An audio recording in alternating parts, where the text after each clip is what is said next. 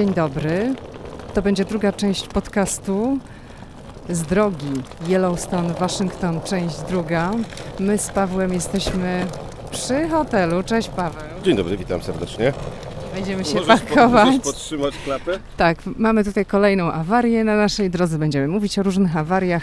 Wysiadł nam, jak to się nazywa? Co nam wysiadło? Wyobraźcie sobie, że siadły teleskopy z tyłu od klapy i teraz, żeby klapa się z tyłu nie trzyma, żeby włożyć walizkę, tylko Lida musi głową trzymać. Także ja teraz robię za podpórkę. Paweł będzie wkładał walizki Nie, do nie wiem, samochodu. to się wzięło, bo przecież no, teleskopy z tyłu no, nie powinno się nic stać. Myślę, że to jest kwestia temperatury. Może już były trochę nadwyrężone, a tu jest tak gorąco, że one się chyba jakoś tak rozszerzyły. E, I nam w tej chwili tylna klapa od samochodu opada. Kiedy się wkłada walizki, trzeba trzymać klapę z tyłu. Także no ja jestem podpórką. Paweł będzie tutaj ładował sprzęt do sprzęt. Ca, cały nasz pomysł. dobytek. Ma, mam pewien pomysł, y, bo nie będziemy tego naprawiać tutaj gdzieś na prerii. E, przepraszam, tylko wezmę walizkę, żeby nie tracić czasu e, i będę ładował. E, jedziemy tak do Waszyngtonu i teraz albo będziesz do Waszyngtonu za każdym razem po hotelu trzymać głową albo ręką e, klapę, albo kupimy taki kij od szczotki i będziemy sobie podkładać, żeby to się działo w porządku, żeby no nie, nie opadała ta klapa. Więc mam taki... To znaczy, wiesz, no jeżeli będzie gdzieś po drodze kij i będziemy o tym pamiętać, możemy kupić, jak nie, no to mogę być tą podpórką. Aczkolwiek tą podpórką muszę być e, codziennie, bo od czasu jak opuściliśmy Waszyngton, to co noc śpimy w innym hotelu i to jest wkładanie rzeczy, wykładanie. No nie, no nie tak do końca, bo to się dopiero teraz popsuło, tak? To się nie popsuło, kiedy wyjechaliśmy. Wyjechaliśmy sprawnym samochodem z Waszyngtonu. A to, że, No a tak. to, że po drodze nawaliły teleskopy, że grad był i wybił nam szybę, znaczy pękła szyba, że mamy samochód jak po bombardowaniu, bo grad nam uszkodził karoserię, to jest już zupełnie inna historia, no. A jeszcze złapaliśmy gumę, ale o tym opowiemy za chwilę. E, tak, jakby jeszcze tego było mało, mieliśmy gwóźdź jak pół mojej ręki.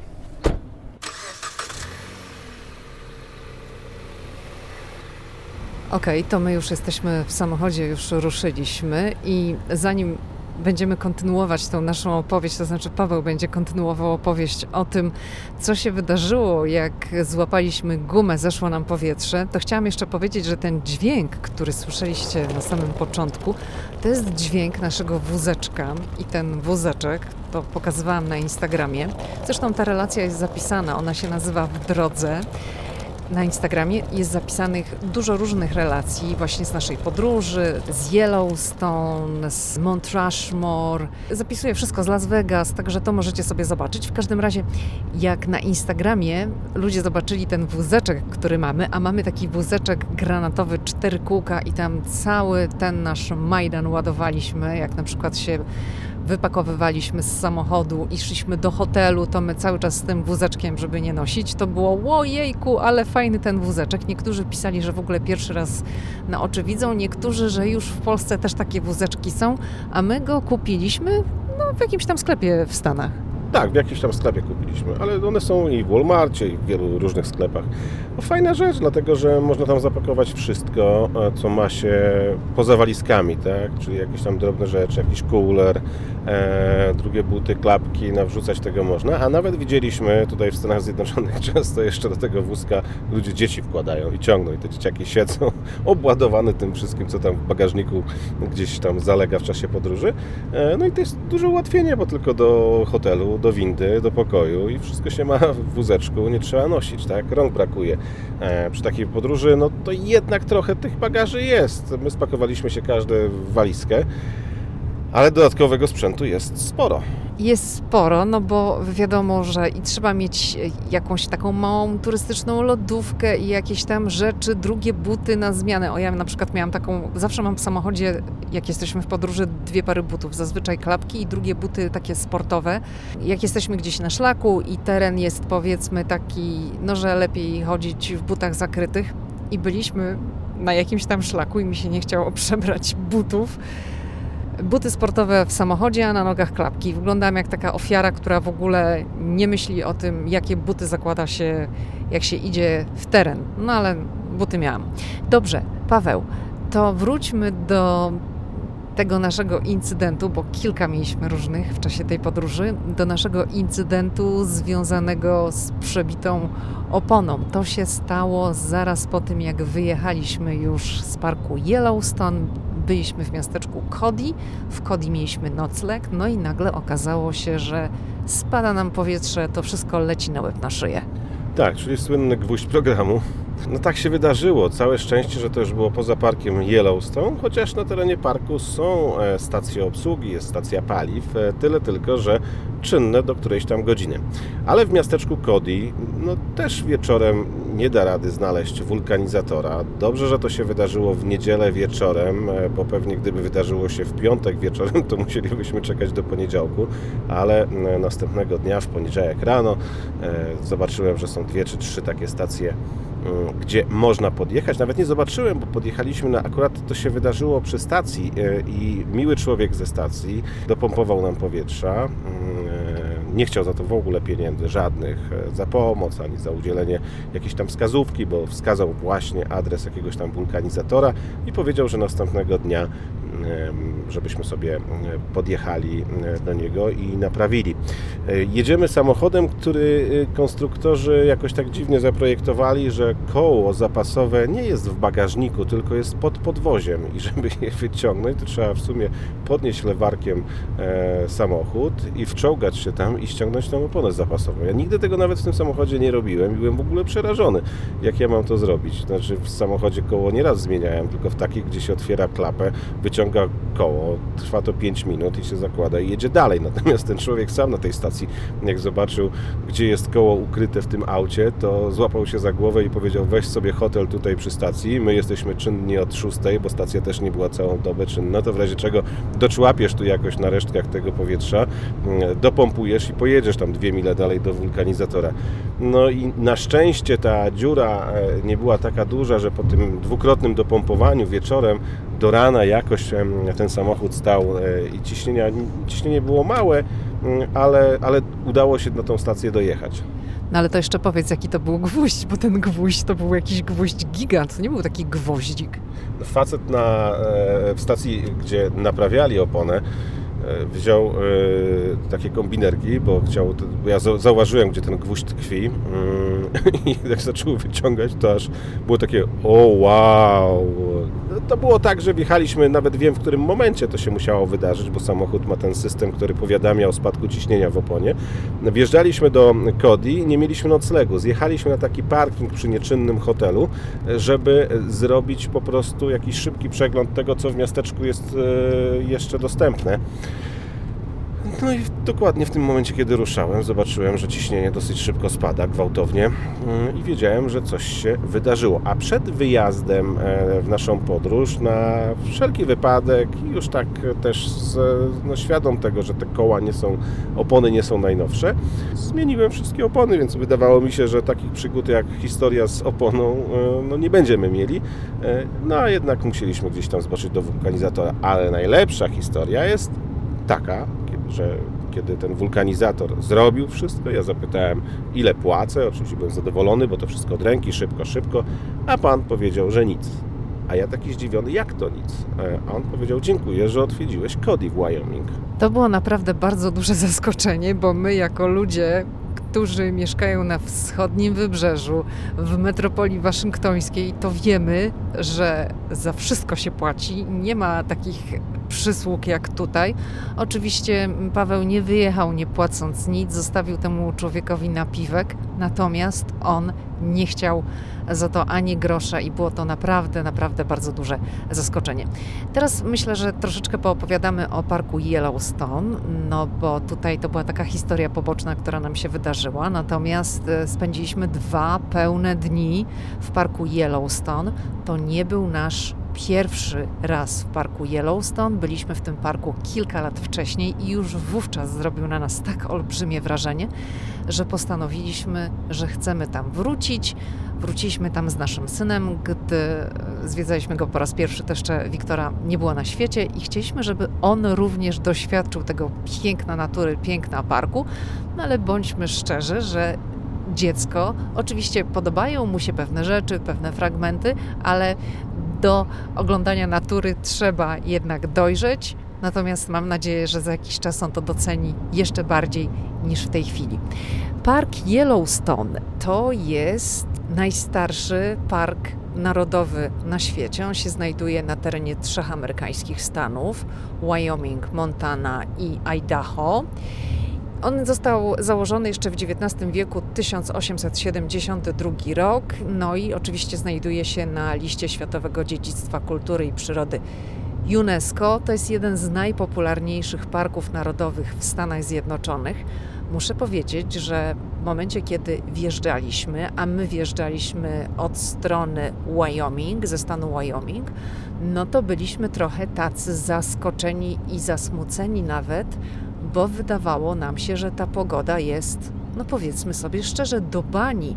Nie byliśmy totalnie przygotowani na taką pogodę, ponieważ zwiedzaliśmy ten park również latem, kilka lat wcześniej w lipcu i raczej przygotowaliśmy się na to, że będzie gorąco, że będzie słonecznie, a tu wjeżdżamy i lipa po prostu jakiś taki jakby smog wiszący nad parkiem. Wjeżdżamy, no i Paweł pyta, w momencie, kiedy załatwialiśmy te wszystkie formalności związane z kupnem wejściówki, Paweł pyta tego strażnika Rangersa, o co chodzi bo wydawało mi się, że to nie są chmury. To wyglądało dziwnie, a dokładnie rok temu, kiedy na zachodnim wybrzeżu były olbrzymie pożary i ta chmura dymu e, doszła nad Waszyngton, nawet nad wschodnie wybrzeże Stanów Zjednoczonych, to widzieliśmy e, z naszego okna e, takie pomarańczowe lekko niebo, słońce przebijające się i to mi bardzo przypominało właśnie to, co rok temu widziałem nad stolicą Stanów Zjednoczonych i kiedy dojeżdżaliśmy do tej budki strażnika, ja Tobie mówiłem, że to jest prawdopodobnie dym. Zastanawialiśmy śmialiśmy się, no bo to bardzo dziwnie wyglądało. No i strażnik przyznał rację, że to jest dym z pożarów na zachodnim wybrzeżu Stanów Zjednoczonych. W kilku miejscach w tej chwili e, są pożary, głównie nad e, e, stanem Waszyngton i ten dym przesunął się właśnie nad park Yellowstone częściowo, bo później okazało się, że w innych rejonach jest lepiej, chociaż my zapytaliśmy go, chyba ty zapytałaś, czy jest szansa, że niebo no jakoś tam się te, ten dym rozejdzie i że zobaczymy niebieskie niebo. On powiedział, że może w ciągu miesiąca coś się tam wydarzy, ale nie miał racji bo w jednej części parku e, okazało się, że jest dużo, dużo lepiej. Prawdopodobnie ten człowiek po prostu siedzi w tej budce wjazdowej i do końca chyba nie wie, co się dzieje dalej. Ma prawo chyba, tak sądzę, nie wiedzieć, dlatego że no, park Yellowstone jest parkiem ogromnym, bo tam jest 9000 km2 powierzchni, 750 km dróg. To jest gigantyczna powierzchnia to są wielkie odległości i właśnie też chciałabym tak przy okazji powiedzieć, żeby uzmysłowić to wszystkim osobom, które nigdy nie zwiedzały parków narodowych w Stanach Zjednoczonych i które być może niespecjalnie interesowały się do tej pory tym tematem. Takie parki zwiedza się w dużej mierze samochodem. Oczywiście jest bardzo dużo pieszych szlaków, ale człowiek bez samochodu tam sobie nie poradzi. Ja nawet nie wiem, znaczy być może są jakieś wycieczki autobusowe, że przyjeżdża się gdzieś grupą zorganizowaną, no ale większość ludzi jednak przyjeżdża własnym samochodem. Oczywiście od razu nasuwa się pytanie, no ale co z tankowaniem, a co jak się samochód popsuje? To jest wszystko na terenie parku, są stacje benzynowe.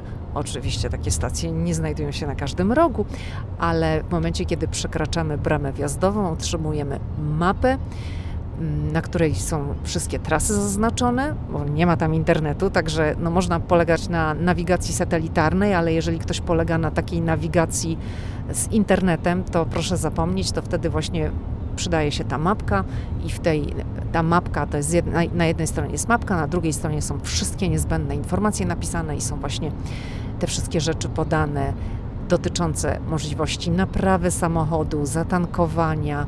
Są sklepy na terenie parku, są rzecz jasna też noclegi, są hotele, są domki, są pola namiotowe, ale, ale, ale jeżeli komuś marzy się nocleg na terenie parku, to musi o to zadbać na wiele, wiele miesięcy przed planowaną podróżą. My tego nie zrobiliśmy i spaliśmy z tego powodu poza parkiem, no bo jeżeli się przyjeżdża tak z marszu, troszeczkę jak my, to nie ma szans na taki nocleg.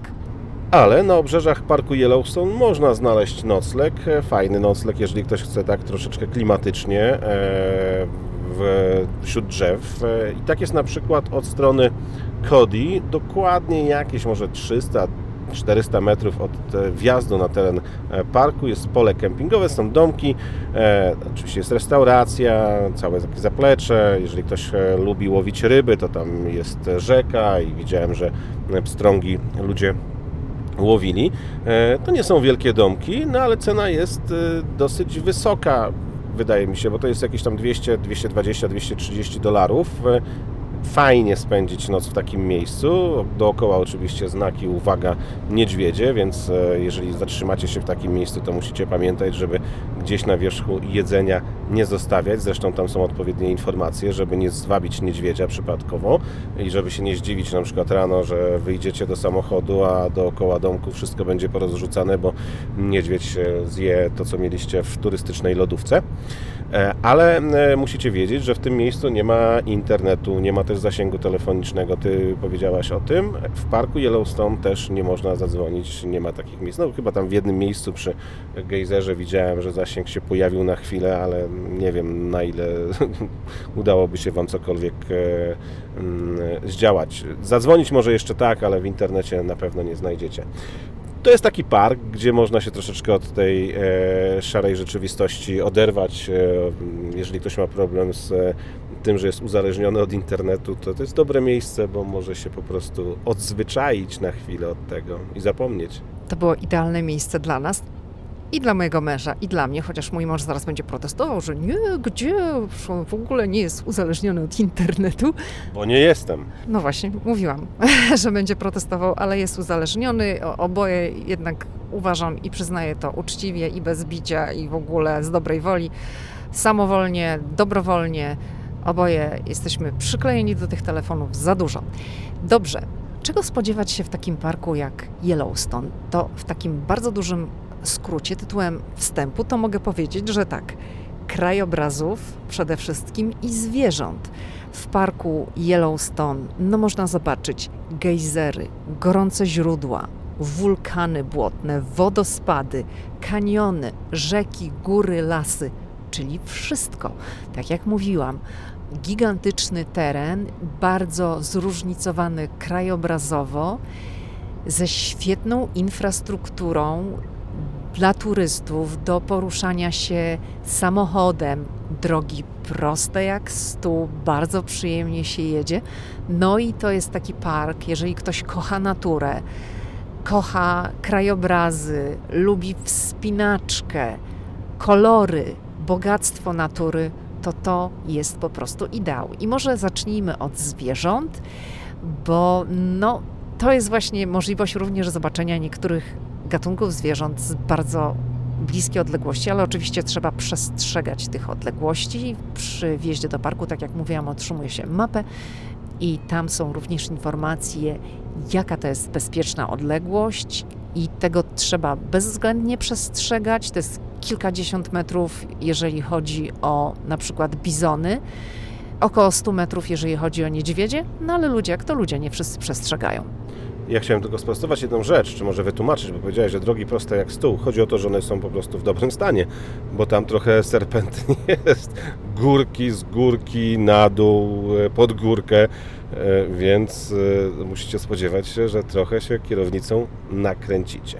Taka wskazówka, gdzie zobaczyć grubego zwierza, tam gdzie są ludzie, gdzie się ludzie zatrzymują. Jeżeli jedziecie i nagle na poboczu jest mnóstwo ludzi gdzieś tam wpatrujących się, to znaczy, że gdzieś jest tam mm, jakieś grube zwierzę i kiedy wjeżdżacie od strony Cody i będziecie się kierować na północ, no to na pewno po przejechaniu tam kilkunastu kilometrów e, zobaczycie bizony. One tam urzędują e, i tam jest duże stado. Zresztą bizony zobaczyć to chyba najprostsza rzecz w parku Yellowstone, chociaż mm, przyznam szczerze, że w mediach społecznościowych gdzieś tam zamieściliśmy zdjęcie i mm, widziałem komentarz, że ale mieliście szczęście, że widzieliście bizony. Ja nie wyobrażam sobie, żeby przyjechać do parku Yellowstone i bizonów nie zobaczyć, bo te bizony są. No chyba, że akurat ten człowiek, który to napisał, miał takiego pecha, że one gdzieś tam się w lesie mm, ukryły. Na zdrowie, nasze dziecko kichnęło. E, ale mm, Jeżeli chodzi o bizony, to według mnie to w zasadzie jest murowane, że się je gdzieś zobaczy, a na tej drodze na północ od strony Kodi jest ich naprawdę dużo. E, tam trzeba z kolei uważać, bo one sobie przechodzą z jednej strony e, drogi na drugą stronę drogi. One są u siebie, trzeba pamiętać i niektórym się wydaje, że mm, przyjeżdżają do parku Yellowstone i te bizony będą uważać na turystów. Nie, nie, to my musimy uważać na bizony, bo ten bizon jak tryknie tą głową, tak to się mówi, to można przewrócić prawdopodobnie jakiś mały samochód. To są potężne zwierzęta z potężną siłą e, i e, naprawdę są niebezpieczne. Widzieliśmy strażnika, który przyjechał, włączył pomarańczowe światło, takie jak tam mają te służby e, porządkowe i krzyczał do ludzi, no nie zatrzymujcie się, jedźcie dalej, nie wychodźcie, bo niektórzy gdzieś tam zamiast zaopatrzyć się w aparat i to jest też taka drobna uwaga do tych, którzy przyjeżdżają w takie miejsca. No lepiej kupić sobie aparat taki, który ma tam obiektyw i sobie przybliży, niż z tym telefonem, bo widzieliśmy na przykład ludzi, którzy no, ryzykują, podchodzą na jakieś 3-4 metry mm, do bizona i próbują telefonem zrobić zdjęcie. Oczywiście smartfony dzisiaj mają ten zoom całkiem niezły i można zrobić fajne zdjęcie smartfonem, ale jak ktoś chce już takie zdjęcie, żeby mieć, nie wiem, oko wielkich rozmiarów bizona na fotografii, to lepiej jednak e, nie podchodzić ze smartfonem. To jest moment, słuchajcie. Widzimy takiego bizona, ociężałego. Wydaje nam się, nie, no zanim on tam ruszy z kopyta, to mm, ja zdążę uciec do samochodu. Nie, ja widziałem jak przyspiesza bizon i byłem zdziwiony, że on ma taki rozpęd. To jest moment i on po prostu sunie. E, I to nie jest tak, że e, uciekniemy, kiedy on wybierze sobie jakiegoś tam człowieka za cel. Ja widziałem też taki zwrot, że bizon sobie tam niby bokiem stał, ktoś podszedł od tyłu, e, a bizon jak się ruszył, to ten człowiek uciekał, aż się kurzyło. Jakby ten bizon pobiegł za nim, no to mogłoby to się źle skończyć, już nie mówiąc o tym, że mm, też widziałem już w internecie, nie widziałem tego na żywo, że bizon potrafił w karoserię przywalić tymi swoimi rogami, zrobić normalnie w karoserii dziurę. Więc to nie są żarty i to, o czym powiedziałaś, na tych ulotkach, które się otrzymuje Mm, przy wjeździe na teren parku są e, rozrysowane w bardzo taki e, prosty sposób e, no, odległości, że na przykładzie autobusów, ile długości autobusów należy zachować od bizona, ile od niedźwiedzia, bo też niedźwiedzie można spotkać e, w parku Yellowstone. My tym razem niedźwiedzia nie widzieliśmy, ale kiedy byliśmy poprzednim razem, to widzieliśmy niedźwiedzia w odległości, nie wiem ilu, 100 metrów, 150? Tak, spotkaliśmy, spotkaliśmy, to nie było spotkanie z niedźwiedziem, po prostu wówczas, za tym pierwszym razem jechaliśmy samochodem i Paweł go wypatrzył, no i staliśmy oczywiście w bezpiecznej odległości. Oglądaliśmy sobie, patrzyliśmy sobie na tego niedźwiedzia z samochodu. To był niedźwiedź czarny. Wtedy myśleliśmy, że nam się nie uda, bo to już praktycznie wyjeżdżaliśmy z parku. Wtedy spędziliśmy w parku trzy dni i no byliśmy tacy trochę rozczarowani, że nie udało nam się zobaczyć i na sam koniec zobaczyliśmy. Ale niedźwiedzie, bizony to jest jedno.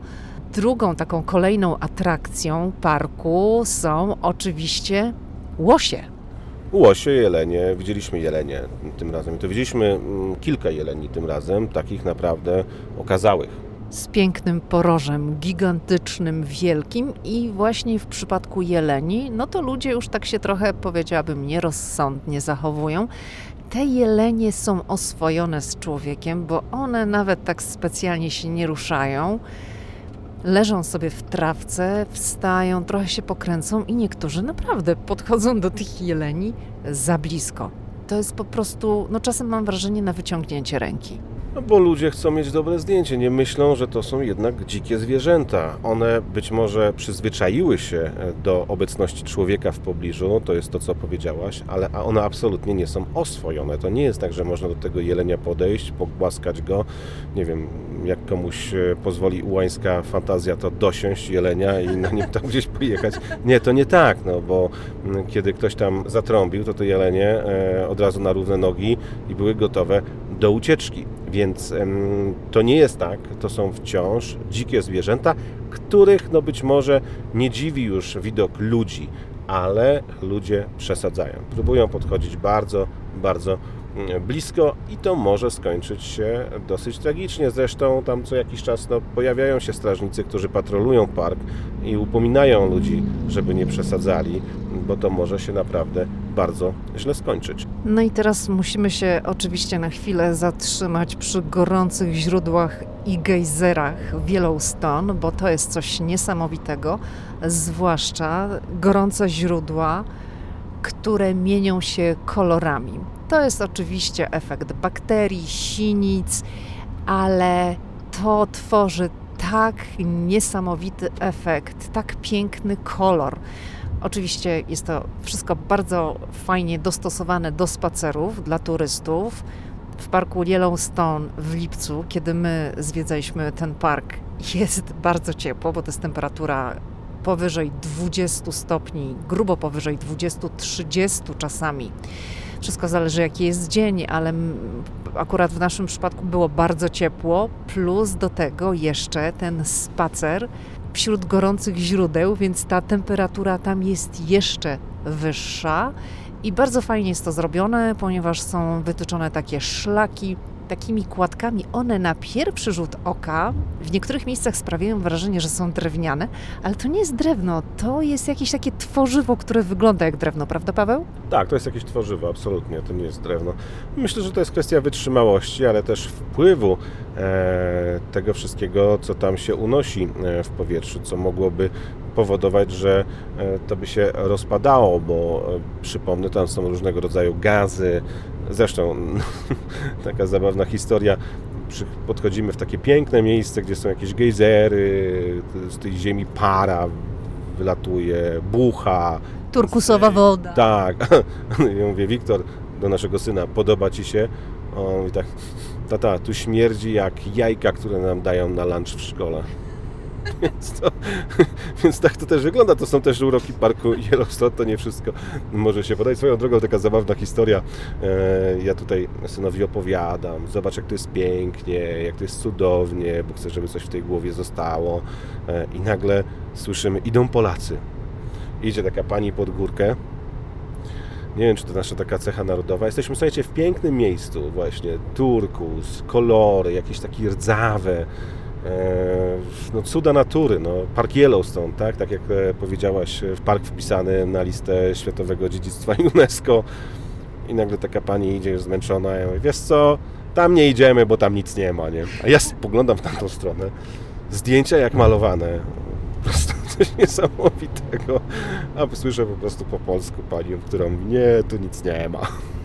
No to był taki właśnie jeden z piękniejszych krajobrazów w Yellowstone, bo to było miejsce, gdzie były właśnie te gorące źródła z turkusową wodą, tak jak Paweł powiedział, z unoszącą się parą, z pięknie wytyczonymi ścieżkami pomiędzy tymi źródłami, bo ich było wiele i no one były jak farbą malowane, no ale no nic nie ma.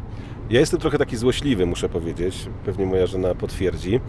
I kiedy e, słyszę na przykład coś takiego i słyszę język polski, e, to mam taki sposób e, i mówię zawsze dzień dobry. I kiedy ta pani powiedziała, co powiedziała, to ja głośno powiedziałem dzień dobry i ona po prostu taka roztrzęsiona. Pamiętam kiedyś w Waszyngtonie też taka sytuacja, byliśmy przy Lincoln Memorial, przy mauzoleum Lincolna, jakaś para zaczęła się kłócić po polsku też sytuację i po prostu, no tak wiecie, no, jak to czasem w małżeństwie czy tam jak, jakaś tam para zaczynają się kłócić, no a my to wszystko słyszymy, no i chciałem ukrócić tą całą historię, no bo oni sobie nie zdawali sprawy z tego, że mm, no, ktoś może to rozumieć, nie? I wtedy też powiedziałem właśnie tak głośno dzień dobry, oni po prostu taka, widziałem na twarzy jak po prostu no nagle taka, taki nie wiem, zdziwienie, że ktoś tutaj to rozumie. Więc pamiętajcie, jak gdzieś jesteście, to się nie kłóćcie po polsku, bo Polacy są wszędzie.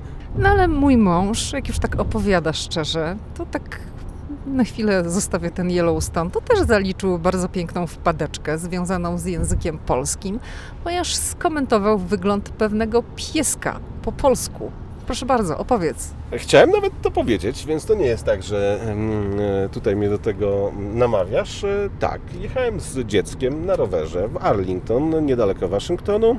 Nasz syn siedział w e, takim foteliku na rowerze i miał wtedy, tak, tak, i on miał wtedy taką fazę, że jemu się strasznie koty podobały. No i jedziemy, jedziemy, jedziemy, a w naszej okolicy za dużo Polaków nie ma. I nagle nasz syn mówi, tato, zobacz jaki ładny kotek.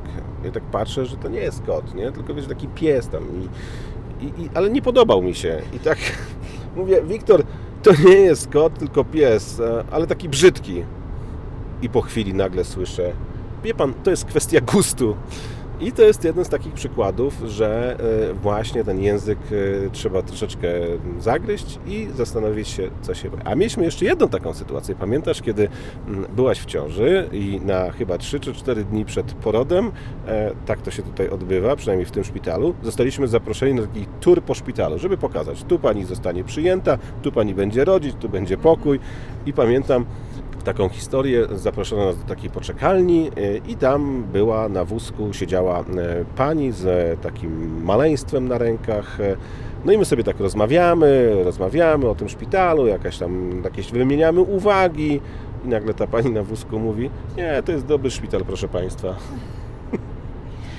Tak, no też tylko chciałam powiedzieć, że to nie było na 3-4 dni przed porodem, bo nie, nie, to już Pawłowi troszeczkę się zatarło, to było gdzieś z miesiąc przed porodem. Takich wycieczek się nie robi tak bardzo... Tak. No, czas szybko leci. No. Dobrze, wróćmy do parku Yellowstone, bo troszeczkę odbiegliśmy od tematu.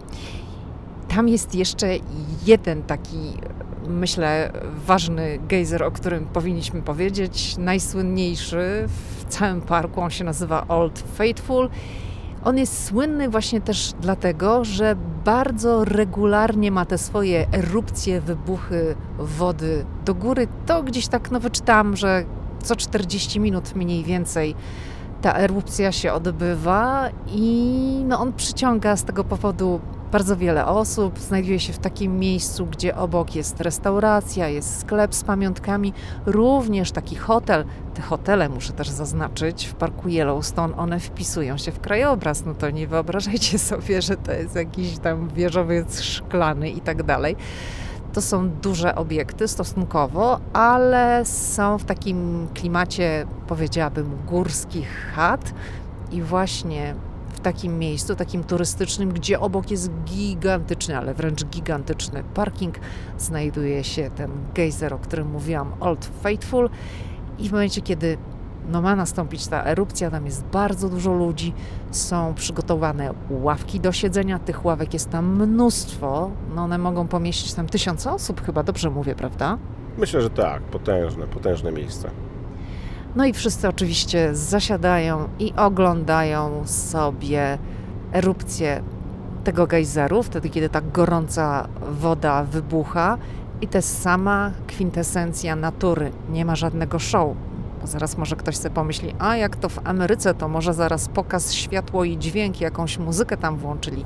Nic tam nie tańczy, nic tam nie gra, nie ma żadnych dodatkowych efektów specjalnych, to jest czysta natura i no, oglądamy, jak ta woda idzie w górę na skutek tego ciśnienia kilkadziesiąt metrów. I człowiek jest jak na patelni, bo teren jest e, odsłonięty. Tam przygotowano miejsce właśnie dla turystów, więc jeżeli będziecie się tam wybierać, to koniecznie jakaś czapka, mm, e, krem, na, żeby się nie przypiec, bo mm, to tak, tak jak powiedziałeś, co 40 minut mniej więcej, więc e, siedząc i czekając na erupcję, można się przypiec, e, no ale też tam są cała infrastruktura, można po tym pokazie e, pójść sobie coś zjeść, wypić, e, jest restauracja, kafeteria, mm, więc to jest bardzo fajnie zorganizowane miejsce i dookoła, bo to nie jest tak, że przyjeżdżacie i oglądacie jeden mm, taki gejzer, tam jest mnóstwo, jest też gejzer, który się nazywa Zamek, tłumacząc na język polski,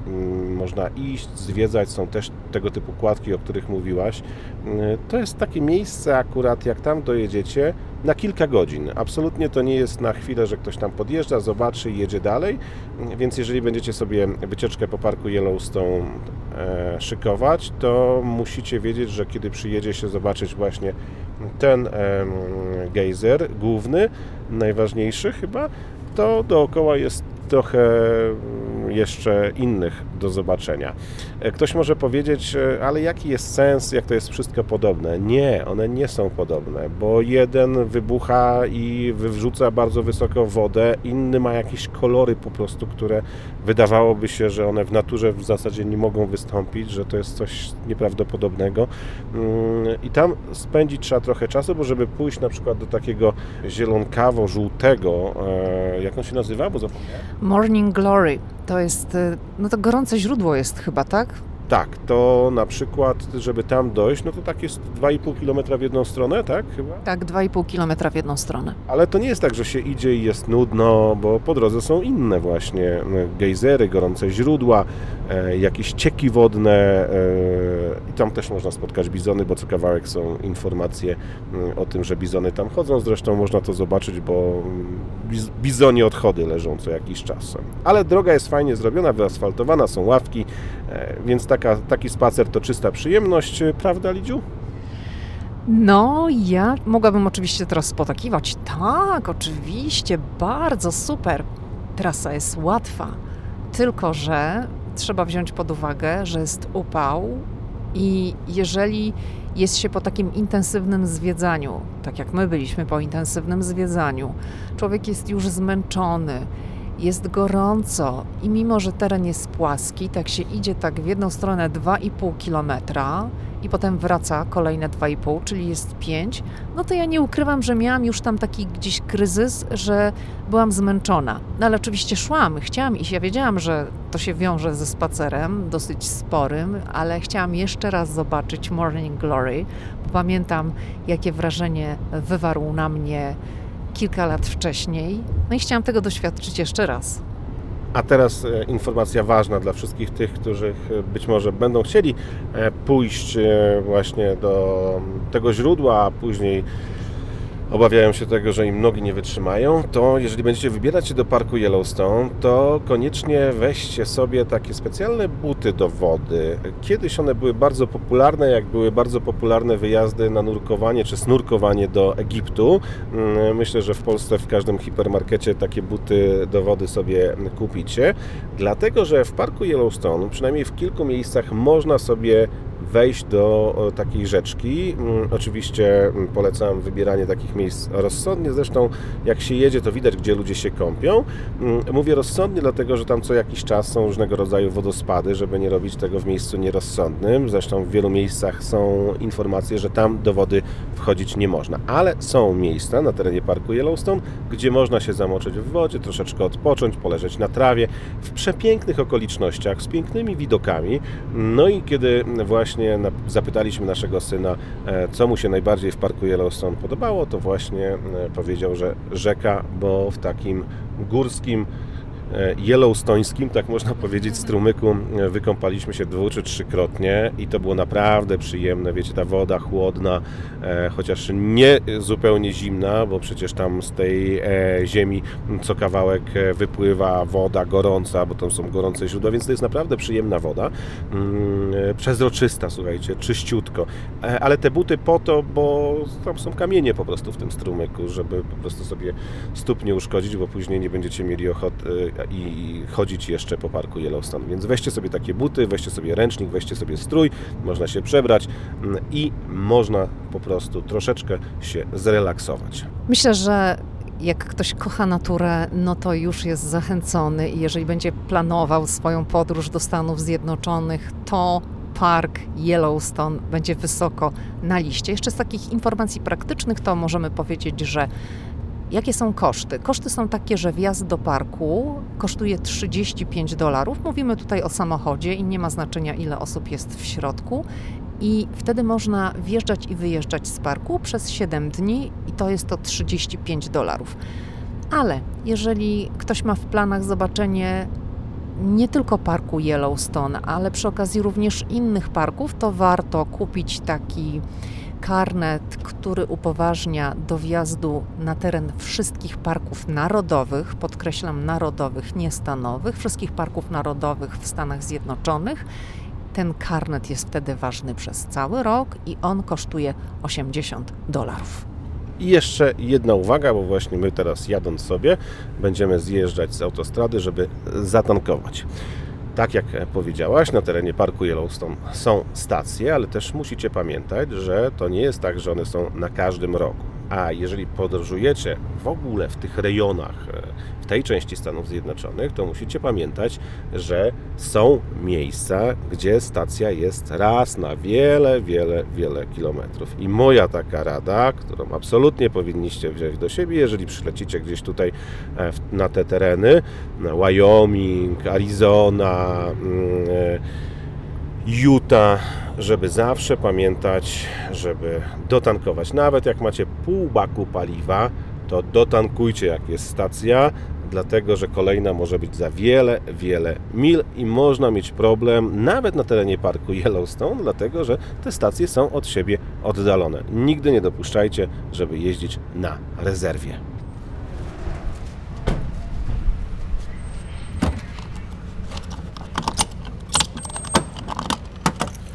No i będziemy tankować. To też jest taka ciekawostka w Stanach Zjednoczonych, że te dystrybutory różnie się uruchamia. Ja wiem, że może to dziwnie zabrzmi, ale tak jest.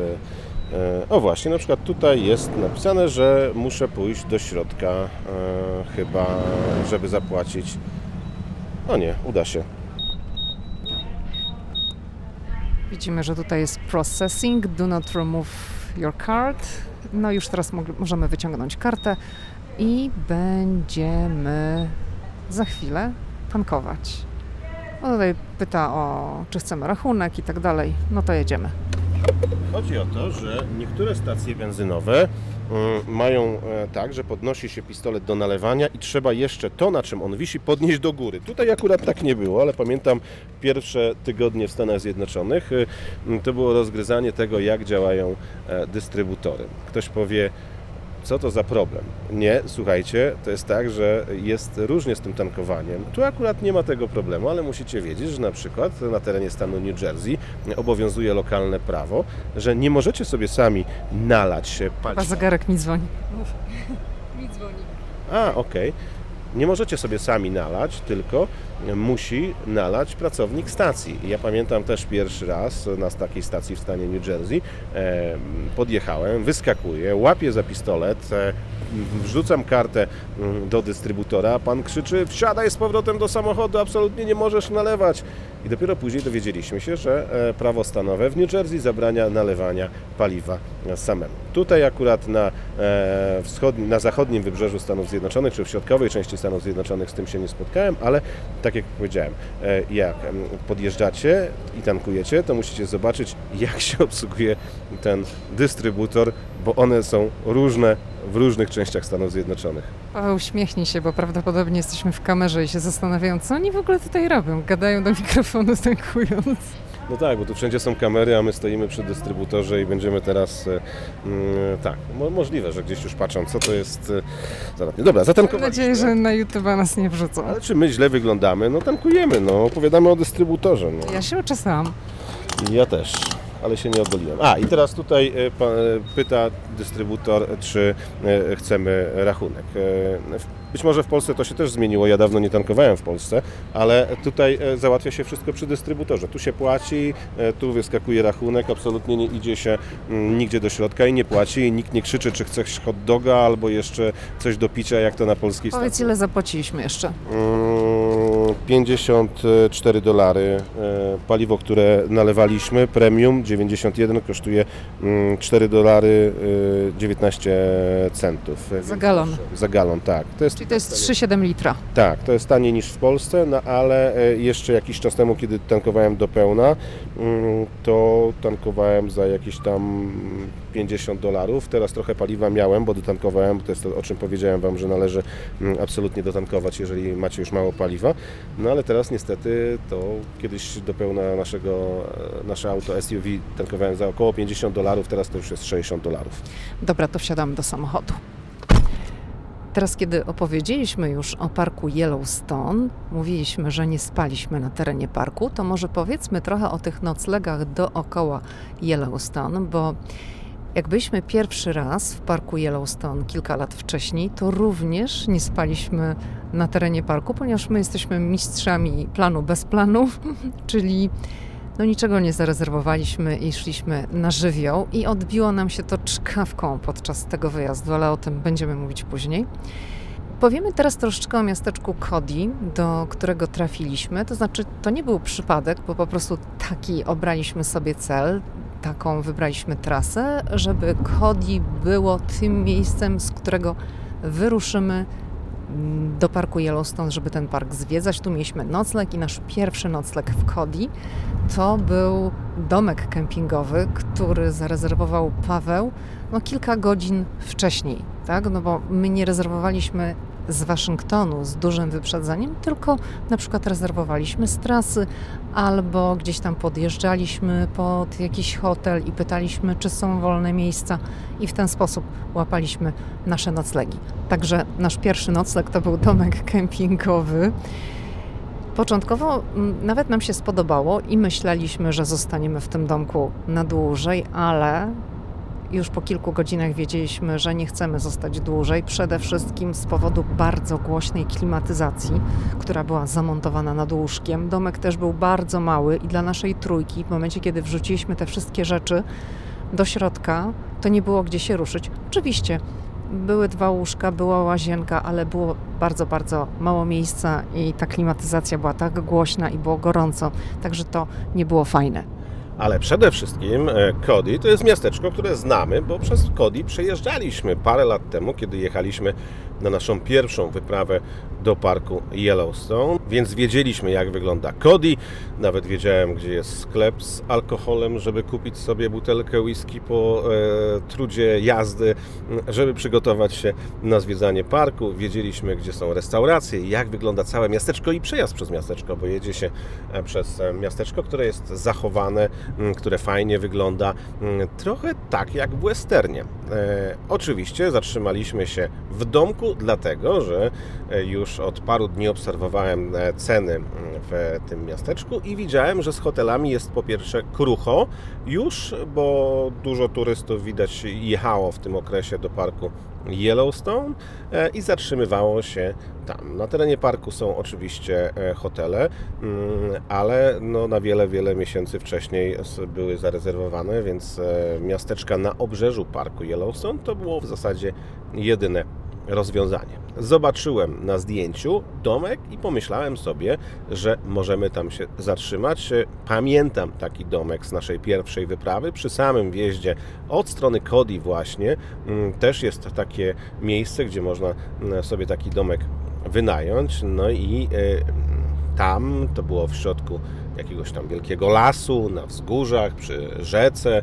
Pięknie położony kemping, że wychodziło się e, z domu i w zasadzie płuca dostawały mnóstwo świeżego powietrza, było fantastycznie. No więc e, widziałem zdjęcie, mówię sobie, no to jeżeli to będzie w takim miejscu domek, no to będzie fajnie. No tyle tylko, że okazało się, że ten domek to jest w centrum Cody, w zasadzie dookoła ulicy, e, napchane tych domków jeden obok drugiego, zupełnie nie przypominało to miejsca, które pamiętałem sprzed kilku lat właśnie w tej drugiej lokalizacji. Dlatego rzeczywiście te domki no, nie były najlepsze. Mm, niefajnie to wyglądało, bo wiecie, na takiej pustyni bez drzew, takie domki stojące, jeszcze obok każdego domku parking na samochód, więc fajnie nie było. Akurat przy naszym tak się trafiło, że nawet trawy dookoła nie było. Przy niektórych trawa była, więc no to było to słabe. Dodatkowo cena 240 dolarów za takie miejsce, no to trochę dużo. Także zostawiliśmy nasze rzeczy, władowaliśmy to wszystko do domku i udaliśmy się do restauracji, żeby coś zjeść. I poszliśmy do bardzo fajnego miejsca. To jest restauracja Irma, restauracja razem z hotelem, najstarsza w Kodi, 1902 rok, rok założenia. I no, to jest taka restauracja, taki klimat dzikiego zachodu. W zasadzie to tylko mogliby jeszcze zamontować takie wahadłowe drzwi ruchome i widziałbym tam kowboja wchodzącego jak na westernie do środka.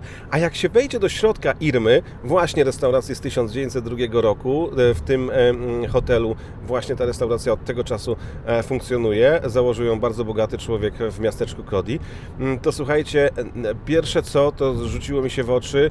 Wystrój, stary wystrój, to jest zachowane kasa, która stoi i, i, w zasadzie człowiek otwiera oczy, że tak wyglądała kiedyś kasa. Oprócz tego bar, tak zrobiony z jakąś tam amunicją mm, i z bronią z tamtego mm, okresu. Stoliki, które nie są, no, jak teraz e, wszystkie z popularnego sklepu Przepraszam, e, ale e, chwilę wcześniej, w związku z tym, że są tu długie odcinki, to zajmuję się jedzeniem słonecznika i mi kawałek wpadł do gardła. E, więc wchodzi się do tego baru i widzi się coś, co widywało się na, w filmie takim, z jakiegoś westernu. Coś, coś, coś niesamowitego. Stare stoły. Coś, co mi się akurat nie podoba, ale też na ścianach na przykład głowa jelenia, głowa niedźwiedzia. No w tej okolicy dawno temu ludzie żyli w taki sposób, że jeździli na polowanie. Pewnie dalej to się zdarza, jeżeli gdzieś tam na jakichś obszarach jest możliwość polowania. No akurat to mi się nie podoba, mm, bo kiedy wchodzę i widzę głowę mm, jelenia z pięknym porożem, to wolałbym go zobaczyć w naturze, jak sobie biega, a nie wiszącego na ścianie. No ale mm, na przykład pod tym jeleniem zdjęcie właśnie pana, e, który ustrzelił go tam 100 lat temu e, gdzieś e, w okolicy parku Yellowstone i cieszył się, że właśnie takiego zwierza ukatrupił. No mi się to akurat nie podoba, ale to daje taki klimat y, miejsca. E, całe miasteczko wygląda w bardzo podobny sposób. Mnóstwo sklepów e, z pamiątkami. Oczywiście to wszystko jest pod turystów robione, ale można kupić sobie kapelusz, można sobie kupić płaszcz. To wszystko w takim starym stylu, jak kiedyś ludzie się na tych terenach ubierali. To jest taki klimat dzikiego zachodu i człowiek, kiedy wjeżdża do Kodi albo kiedy wchodzi do takiej restauracji jak Irma, to ma poczucie, że gdzieś tam zatrzymał się w czasie. Kuchnia jaka jest? No kuchnia jest typowa amerykańska, także jeżeli ktoś tam sobie myśli, że jakieś wegańskie danie sobie zamówi, to proszę zapomnieć, bo to są i frytki, steki, mięso, to są dania sycące amerykańskie. Paweł tutaj macha, zgłasza się do odpowiedzi, bo jak mówiłam, mamy jeden mikrofon i to jest tak moja, twoja, moja, twoja. Oczywiście steki, e, które są bardzo popularne na tym terenie. E, wiele restauracji kusi też stekiem z bizona. Zachwalają jako najlepsze mięso.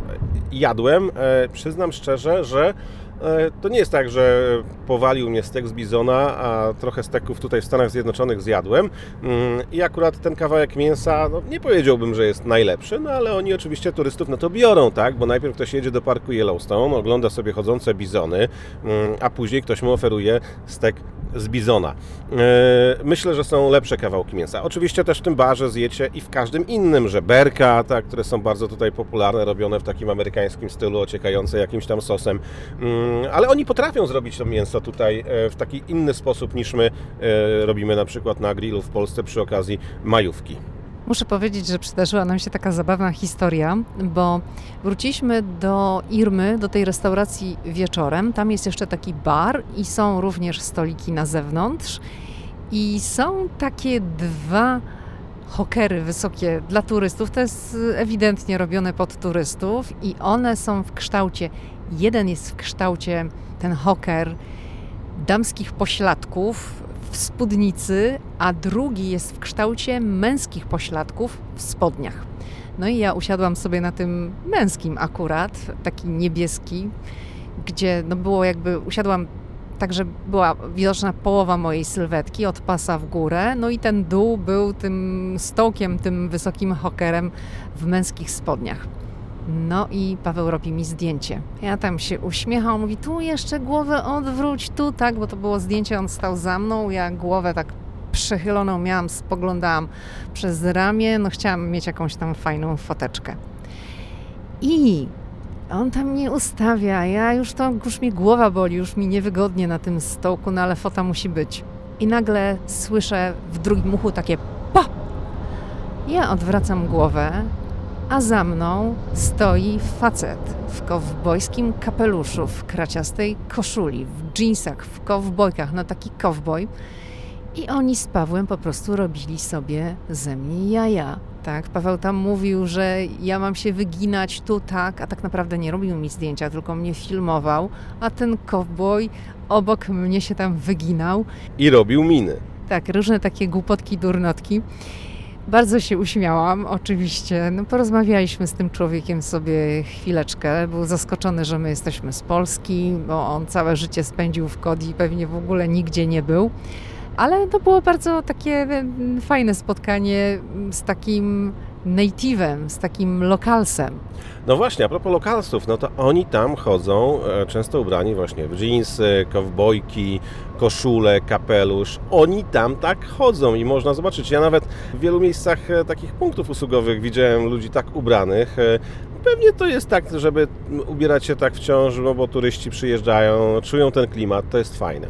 Ale jeszcze a propos Irmy, to wieczorem e, byliśmy tam, no wyskoczyliśmy na drinka i ja poszedłem po drinkiem, bo chcieliśmy usiąść na zewnątrz, żeby sobie popatrzeć na miasteczko, urocze miasteczko, naprawdę. Nawet mieliśmy taką zabawną historię, że mm, któregoś razu jak wróciliśmy z parku Yellowstone i szukałem parkingu, żeby zaparkować, to nagle patrzymy, a sarna biegnie środkiem miasta, jak w jakimś filmie w ogóle.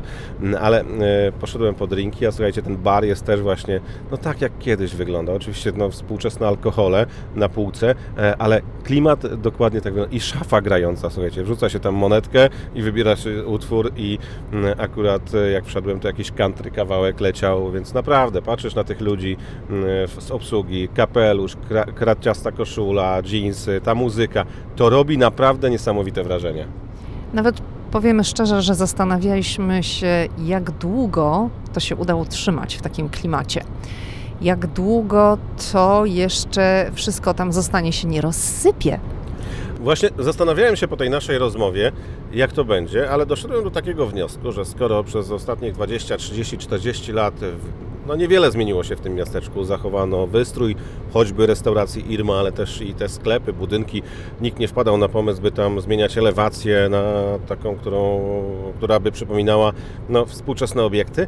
To myślę, że teraz ta świadomość potrzeby zachowania tego miejsca dla turystów w takim kształcie jest większa i że teraz to się nie zmieni. No, potrzebne będą remonty, bo te budynki niektóre są mm, w dosyć no, już e, złym stanie. Mm, tak na pierwszy rzut oka trzeba tam coś pomalować, e, zmienić, ale będzie to utrzymywane, bo oni z tego żyją, oni z tych turystów żyją. Dlaczego ludzie zatrzymują się w Kodi? Właśnie dlatego, żeby poczuć klimat tego mm, dzikiego zachodu. Na przykład e, jest tam budynek, gdzie jest wielki szyld, stary szyld, mówiący o tym, że to jest poczta. Jest też informacja, że to jest najstarszy budynek, gdzie mieściła się poczta ale pod spodem jest też informacja, nie, nie, tutaj nie ma poczty, mm, ale chodzi o to, że mm, e, turysta może zobaczyć na pierwszy rzut oka, e, jak to wyglądało kiedyś, że e, tak, tak wyglądał budynek poczty w Kodi, że taki był szyld właśnie poczuć to. Gdzie niegdzie widać też jakiś tam jeszcze stary dyliżans, tak? On jest e, mm, oczywiście zrobiony niedawno pewnie e, stosunkowo, ale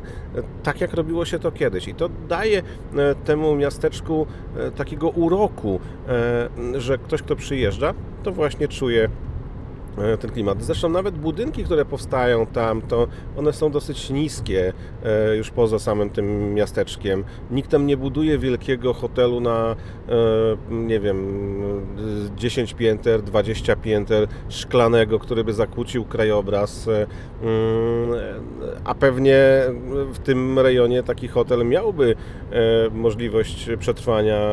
Mówię tutaj o tą stronę biznesową, bo turystów jest wiele i pewnie nie jedna osoba, czy nie jedna firma chciałaby postawić tam taki wielki obiekt, ale tego się nie robi.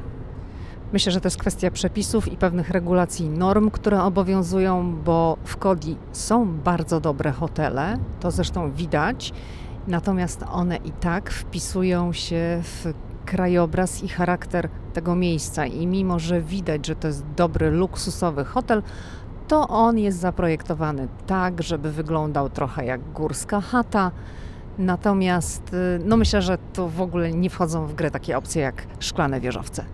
I całe szczęście, ale pewnie deweloperzy mieliby ochotę postawić coś tam wielkiego. Wchodziłem do jednego hotelu, który powstał całkiem niedawno, e, w środku kominek właśnie, belki, drzewo, to tak no naprawdę zrobione klimatycznie. Teraz może powiemy o innym miasteczku, o miasteczku Jackson, które mieliśmy ochotę jeszcze raz odwiedzić, ponieważ odwiedzaliśmy je przy okazji poprzedniej podróży do parku Yellowstone. Chcieliśmy tam przenocować w Jackson, ale niestety nie udało się, ponieważ nie byliśmy w stanie znaleźć noclegu może powiedzmy rozsądnego noclegu, bo nie byliśmy skłonni płacić 400 czy więcej dolarów za noc w Jackson. Ale też trzeba powiedzieć, że to były dwa miejsca, gdzie ten nocleg można było załatwić, bo od wielu dni już widziałem e, przez strony, gdzie można zarezerwować, że miejsc tam nie ma. E, więc to, że my w jednym miejscu znaleźliśmy nocleg za ponad 400 dolarów, a w drugim za 900 za dobę, tak, za dobę mówimy, mm, to i tak był cud, że to się udało, bo nie było. Jackson to jest takie miejsce. Nie, nie, nie spaliśmy w tym miejscu, mm, e, dlatego że uznaliśmy, że nocleg za takie pieniądze to jest jednak gruba przesada, bo za 400 dolarów to był nocleg w motelu Six słuchajcie, to jest naprawdę e, słabe miejsce. To jest byle jaki motel, gdzie jak się podróżuje jakąś tam amerykańską autostradą, to najczęściej przy autostradach e, stoją te motele i tam jest taki szyld z napisem, że dzisiaj nocleg za 50 dolarów. Teraz sobie wyobraźcie, że mm, gdzieś w innych częściach Stanów Zjednoczonych nocleg w czymś takim kosztuje 50 dolarów, a tutaj nagle 400 dolarów za dobę. Jackson to jest miasteczko, jeżeli wyjeżdżacie Mm, z parku Yellowstone kierujecie się w stronę choćby Las Vegas, e, to jest właśnie na tej trasie. Porównywalne do Cody e, tym klimatem, tylko że bardziej powiedziałbym komercyjne. Tam ten dziki zachód jest trochę jeszcze mocniej wyeksponowany. Tam pamiętasz jakaś tam dorożka, diligence. To jest zrobione bardziej pod turystów. Cody zachowało się tak jak tam wiele, wiele lat temu i ludzie sobie tam spokojnie żyją, oczywiście z turystów, natomiast Jackson robi to na wielką, masową skalę, mm, potrafi to e, wykorzystać jeszcze bardziej. Nie zatrzymaliśmy się tym razem w Jackson, ale e, byliśmy w miasteczku e, wiele lat temu mm, przy okazji pierwszego naszego pobytu w parku Yellowstone. Do Jackson jedzie się z parku Yellowstone dłużej niż do Cody, to jest dłuższy fragment drogi, mm, ale jedzie się fragmentem parku Grand Teton i tam też są bardzo fajne widoki. Na tym odcinku też między parkiem Yellowstone a e, Jackson e, można spotkać na drodze bizony i my mieliśmy takie szczęście. Wiem, że to może dziwnie zabrzmi, ale jak się przyjeżdża w te rejony, to właśnie po to, żeby zobaczyć zwierzęta i akurat musieliśmy przepuścić wielkie stado, które mm, postanowiło przejść z prawej strony na lewą i mamy nawet takie ciekawe zdjęcia, gdzie przed maską naszego samochodu przechodzi sobie, e, przechodzi sobie bizon.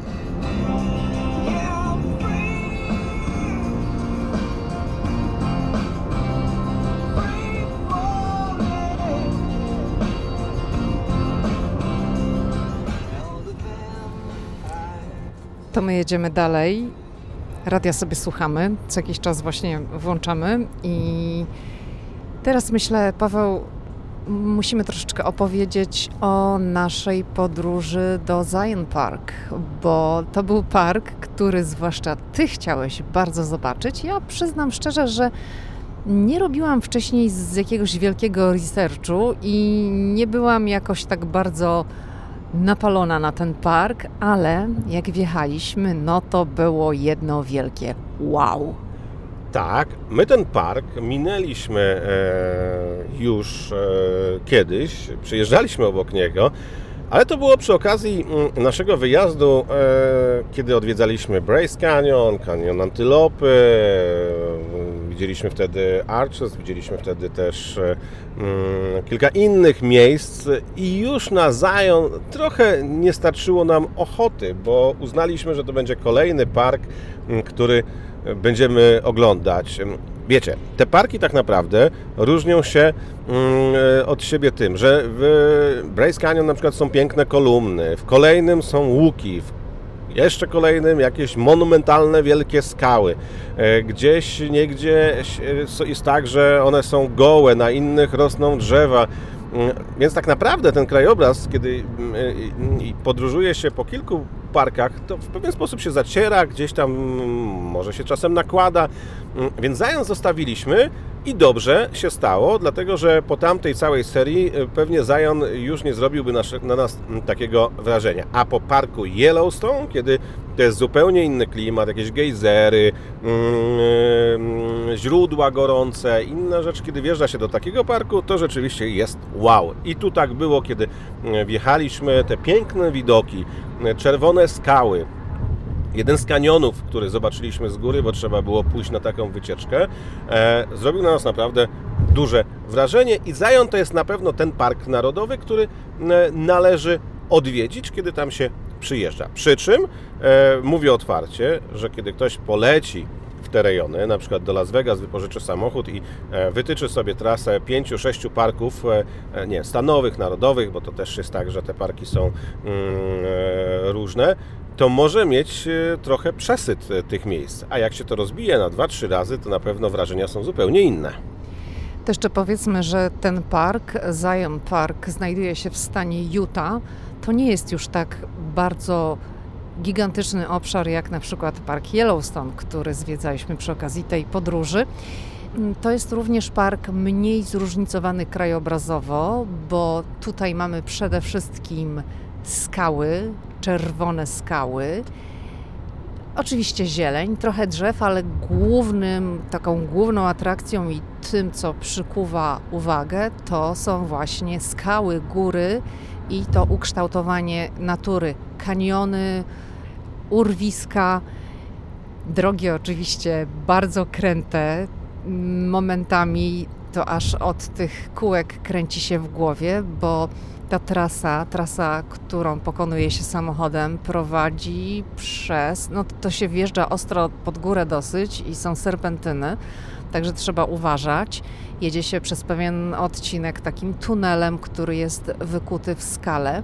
Są dwie opcje. Jest opcja samochodowa i można właśnie jechać swoim samochodem. Jest również opcja zwiedzania autobusem i przez jedną trasę, jak się chce jechać w Zion Park, no to można tylko i wyłącznie oglądać ten park z mm, perspektywy autobusu. Oczywiście są przystanki, można wychodzić i wtedy robić sobie piesze wycieczki. To, co nas zaskoczyło w tym parku, to również teren takiej infrastruktury poza parkiem, który był dodatkowo płatny, bo my wjeżdżając do Zion Park nie płaciliśmy, dlatego że kupiliśmy sobie ten karnet za 80 dolarów, o którym mówiłam wcześniej, który upoważnia nas do wjazdu na teren wszystkich narodowych parków w Stanach Zjednoczonych, ale tuż przed parkiem była taka cała strefa, powiedziałabym, dla turystów.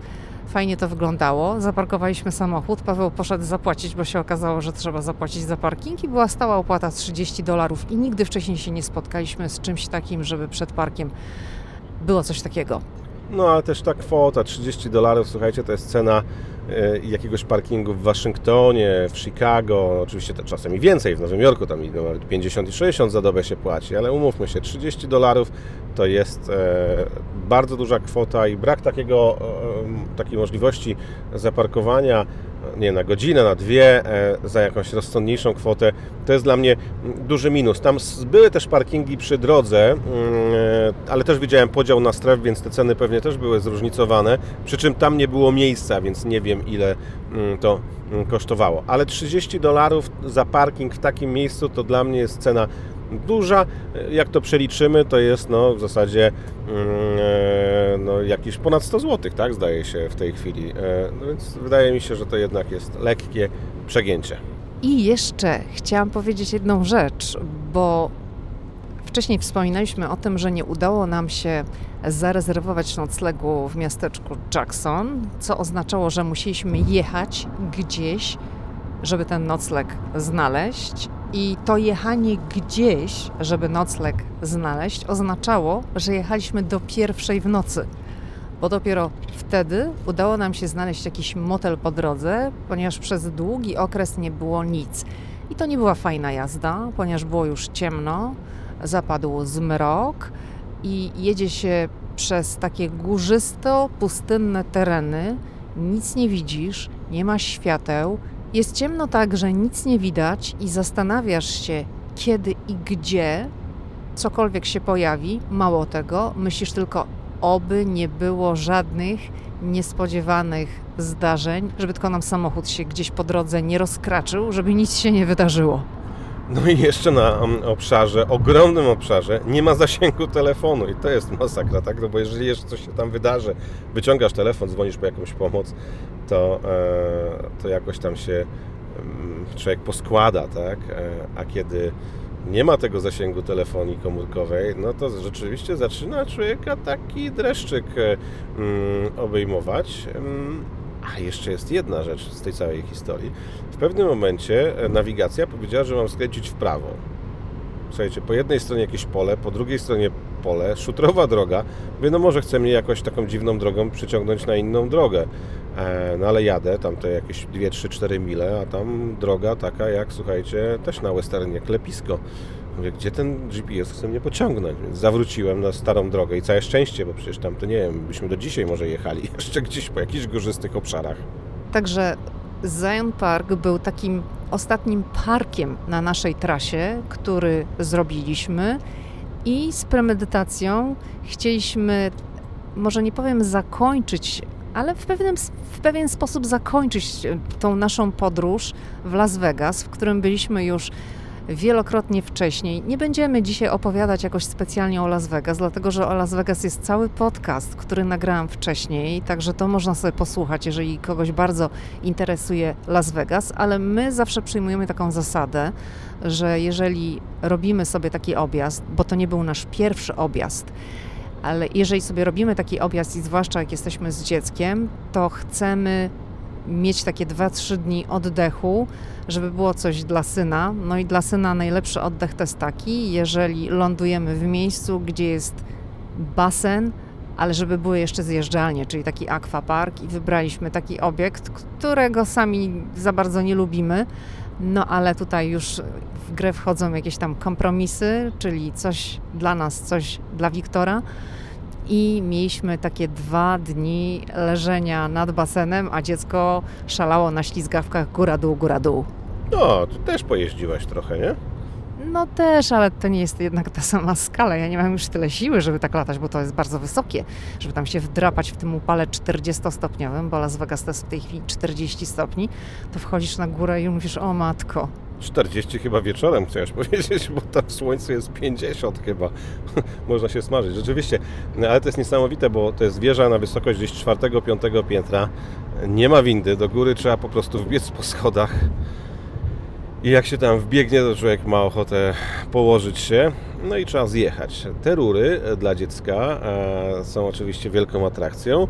Mm, dwie e, dla mnie były ok, ale trzecia, taka zjeżdżalnia, gdzie z wysokości piątego piętra trzeba się położyć na macie głową w dół i się jedzie po prostu po takim, ona ma taki wyboisty kształt, więc to jest góra, dół, góra, dół serce po prostu ucieka do gardła. A te dzieciaki byle szybciej i byle na dole i byle jeszcze raz pobiec do góry i jak najszybciej zjechać. Niesamowite. No ja na tej zjeżdżalni tym razem nie zjeżdżałam, zjeżdżałam wcześniej i wiem jakie to jest uczucie, jak to wali po brzuchu, powiedziałam dziękuję bardzo, ponieważ normalnie miałam siniaki od tego i nie, już nie. Mm, nasz syn nie był pocieszony, że nie chciałam jeździć. Ja mówię, ale możesz jeździć z tatą, ja mogę na innej rurce, na to nie wsiadam. No i tata pojeździł trochę na tym też. Chociaż w tamtym roku, czy dwa lata temu jak byliśmy, mówiłem już nigdy więcej, bo, bo miałem dosyć, no ale w tym roku zjechałem parę razy. O Las Vegas możemy powiedzieć tyle, już abstrahując od całego zwiedzania atrakcji Las Vegas, jak jest Las Vegas, o czym opowiadałam wcześniej w podcaście, to, że było bardzo dużo ludzi, był wielki tłok, masa turystów, po prostu wszędzie pełno ludzi. No i to jest ten taki stały klimat Las Vegas, tak? Wiadomo, panie roznegliżowane, chodzące po Las Vegas, zachęcające do wspólnych fotografii, restauracje pełne, nie wszystkie bufety są otwarte, bo jedną z takich większych atrakcji, takich kulinarnych powiedziałabym w Las Vegas są właśnie bufety które działają na zasadzie, że płacisz za wstęp 30, 40, czasem 50 dolarów, zależy jaki to jest bufet, no bo są im lepsze w lepszych hotelach, tym są droższe, no i wtedy możesz jeść ile chcesz. W tej chwili te bufety dopiero zaczynają wracać. No niestety nie udało się do takiego bufetu wejść, ale kiedy będziecie w Las Vegas, to warto taki bufet e, odwiedzić. Natomiast e, trzeba sobie jasno powiedzieć, że Las Vegas od wielu miesięcy funkcjonuje w zasadzie normalnie, bo akurat to, że wykorzystano, żeby te bufety jakoś ograniczyć. Pewnie to są kwestie jakiejś tam oszczędności, ale też kwestie być może jakichś tam przepisów. E, natomiast to, że jest pandemia, to w Las Vegas nie czuje się zupełnie i kiedy byliśmy już w kwietniu w Las Vegas, mm, też już w zasadzie wtedy nie czuło się. Wszystko jest otwarte, ludzie normalnie funkcjonują w kasyna otwarte, to są potężne hale z automatami do gier. E, nikt nie ma masek w zasadzie, no parę osób gdzieś tam mm, można spotkać. Restauracje pełne ludzi, ludzie na ulicy tłoczą się, przechodzą obok siebie, ocierają się o siebie, a więc to nie jest tak, że jakichś tych obostrzeń w Las Vegas jest mnóstwo. Nie, tam życie toczy się normalnie. I można by sobie pomyśleć, no to już zmierzają do końca, pojechali do Las Vegas i potem trzeba wracać do Waszyngtonu. Ta trasa z Vegas do Waszyngtonu, no to to są trzy dni jazdy, tak naprawdę z dwoma noclegami. I taki był nasz plan. I jak to w podróży bywa, zdarzyło się coś, na co nie byliśmy kompletnie przygotowani, czego w ogóle nie braliśmy pod uwagę. Nie znaleźliśmy noclegu. Plan był taki. Wyjechaliśmy z Las Vegas około po 9 rano, między 9 a 10, tak powiedziałabym, zanim wszystko zapakowaliśmy do samochodu, opuściliśmy granicę Las Vegas, było około godziny 10. O! Paliwo! Pić chce samochód. Widzisz, tak przestrzegałeś, żeby tankować, ale już widzę, że mamy tutaj informację, że zaraz będzie stacja. Także no, będziemy tankować. To ja będę mówić. Najwyżej zrobię krótką przerwę. Ale to mówiłem, żeby e, na tamtych obszarach, e, kiedy nagrywamy to, jesteśmy już troszeczkę dalej. E, kiedy jest się w Utah, kiedy jest się na terenie mm, właśnie Wisconsin, to tam trzeba pilnować baku paliwa, bo stacji może nie być na olbrzymich obszarach. Natomiast tu, gdzie teraz nagrywamy, jest już spokojnie ze stacjami paliw. No już tutaj mamy zjazd. To może zróbmy tak, że zatankujemy sobie i ja wrócę do tego, co się wydarzyło już pod sam koniec.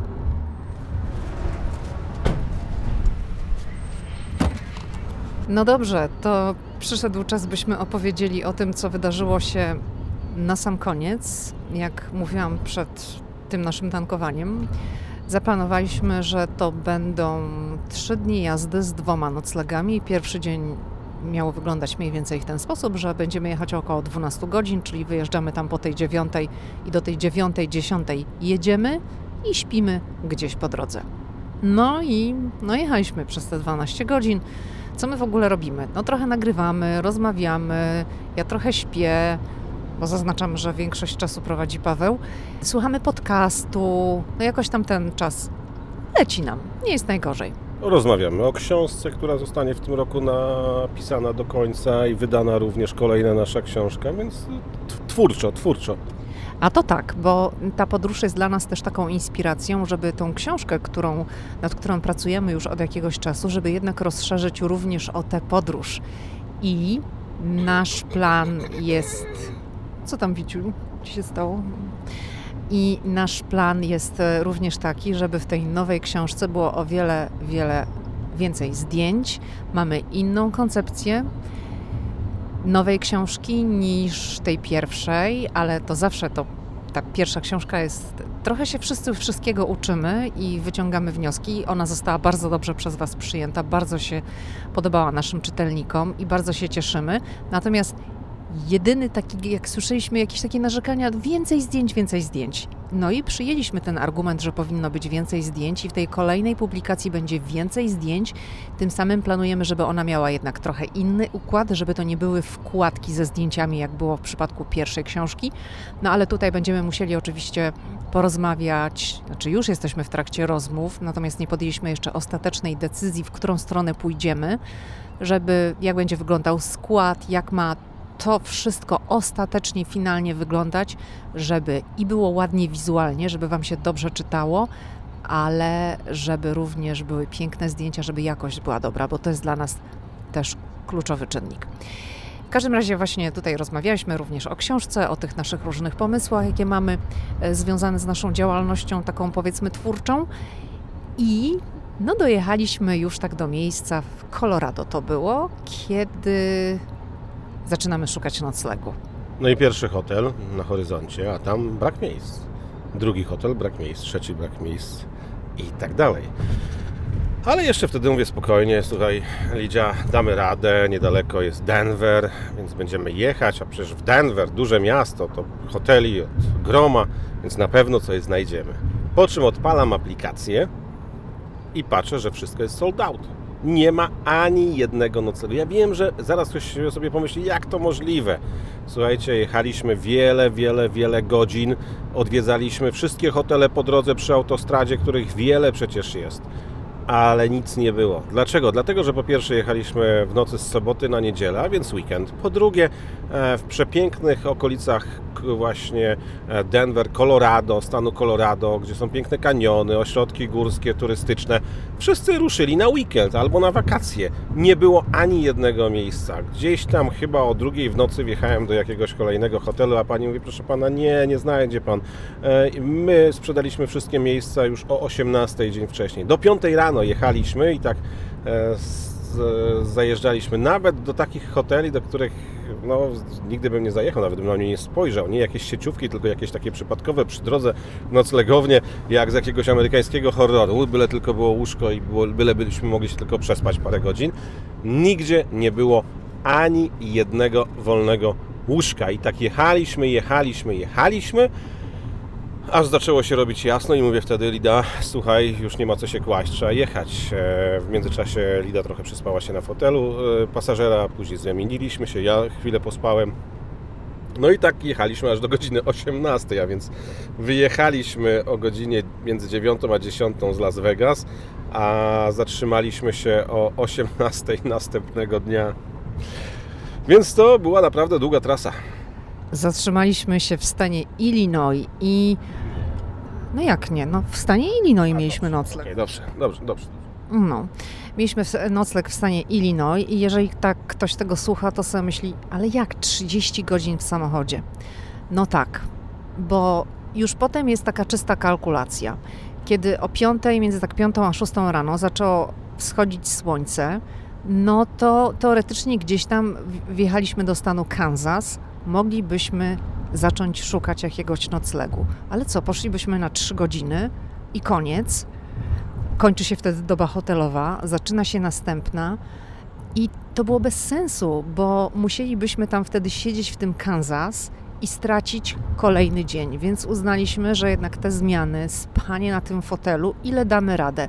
No i okazało się, że człowiek w takich kryzysowych sytuacjach jest w stanie dać radę i jechaliśmy do tej godziny 18 dojeżdżając do stanu Illinois. Jeszcze jedna niespodzianka, bo kiedy w Las Vegas e, wrzuciłem do GPS-a lokalizację, gdzie chcemy dojechać, e, mowa tutaj o Waszyngtonie, to pokazało mi, że do Waszyngtonu mamy jakieś 34 godziny, więc mówię spokojnie w takim razie. No ale tak, teraz jedziemy, jedziemy i muszę Wam powiedzieć, że trzeba do tego dorzucić kolejnych 10 godzin. Dlaczego? Dlatego, że jechaliśmy przez Colorado, kaniony, w nocy, pod górkę samochód, e, no, no nie, nie, pojedziesz taką prędkością w nocy, jaką tam GPS wylicza e, z dozwoloną prędkością. Tu tiry ledwo wloką się pod górę, tu inne samochody, ta prędkość spada z 80 do 40 mil na godzinę w niektórych autach, jakieś tam mniejsze zwłaszcza samochody, pasy poblokowane. No i wyszło na to, że tak naprawdę e, do tego, co GPS pokazał w Las Vegas, trzeba dołożyć jeszcze 10 godzin. No i tak cały czas sobie podróżujemy w stronę Waszyngtonu. Będziemy powoli kończyć ten podcast, ponieważ jest poniedziałek, a jak wiecie, podcasty ukazują się we wtorki. Ja już część materiału oczywiście na bieżąco dokonywałam edycji, nawet jak byłam taka zmęczona, jak przyjechaliśmy do hotelu w Illinois, to pokazywałam to zdjęcie na Instagramie, pokazałam mój komputer, mikrofon, program do montażu, już dokonywałam pewnej edycji, ale Kolejne części dogrywamy jeszcze w samochodzie. I ja teraz muszę usiąść do edycji po to, byście mogli we wtorek tego podcastu wysłuchać. Mam nadzieję, że podobała Wam się ta forma takiego podcastu z drogi, nagrywanego w dużej mierze w samochodzie. Jest to dla mnie trochę taki projekt eksperymentalny i jeżeli on się Wam spodoba, no to będę musiała się zastanowić, czy czasami nie wrzucać również tego typu odcinków. Dziękuję Ci, Paweł, za udział. Nawet mój mąż powiedział, że to jest w sumie fajne, jak tak sobie siedzimy i nagrywamy, bo trochę też nam zawsze tego czasu zleci, tak? Nie, tak. Ja zresztą wiesz o tym, że lubię rozmawiać i lubię mówić, więc to mi się nawet podobało. Nie wiem, czy mówię na tyle interesująco, żeby to się Wam spodobało, ale no tutaj myślę, że główną narrację prowadzi Lidia, więc jestem spokojny. Nie będę tego komentowała. Zatem, może jeszcze tylko tak podsumujmy króciutko, jeszcze nie dojechaliśmy do Waszyngtonu, bo jeszcze mamy mm, ładnych parę godzin przed nami, ale ile my tak mniej więcej zrobimy w sumie kilometrów? Do tego momentu przejechaliśmy 5451 mil, więc teraz sobie musicie przeliczyć, ile to jest kilometrów. Razy 1,6. No. Czyli to wyjdzie gdzieś tam z 8 tysięcy, myślę, mm, ponad kilometrów do tej pory, a przed nami jeszcze kilka godzin jazdy do Waszyngtonu. Jeszcze mamy prawie 600 mil do Waszyngtonu. A tutaj, jeżeli urządzenie się nie myli, to pokazuje nam, że w samochodzie spędziliśmy 117 godzin do tego momentu, a jeszcze 9 godzin mamy do Waszyngtonu. E, dlaczego tak dużo? Dlatego, że przejazdy, oczywiście parki narodowe, które e, zwiedza się jeżdżąc samochodem, więc e, tutaj miałem tak ustawione w, telef- w samochodzie, że każde włączenie silnika, każdy pobyt w aucie z włączonym silnikiem, wszystko zliczało 117 godzin.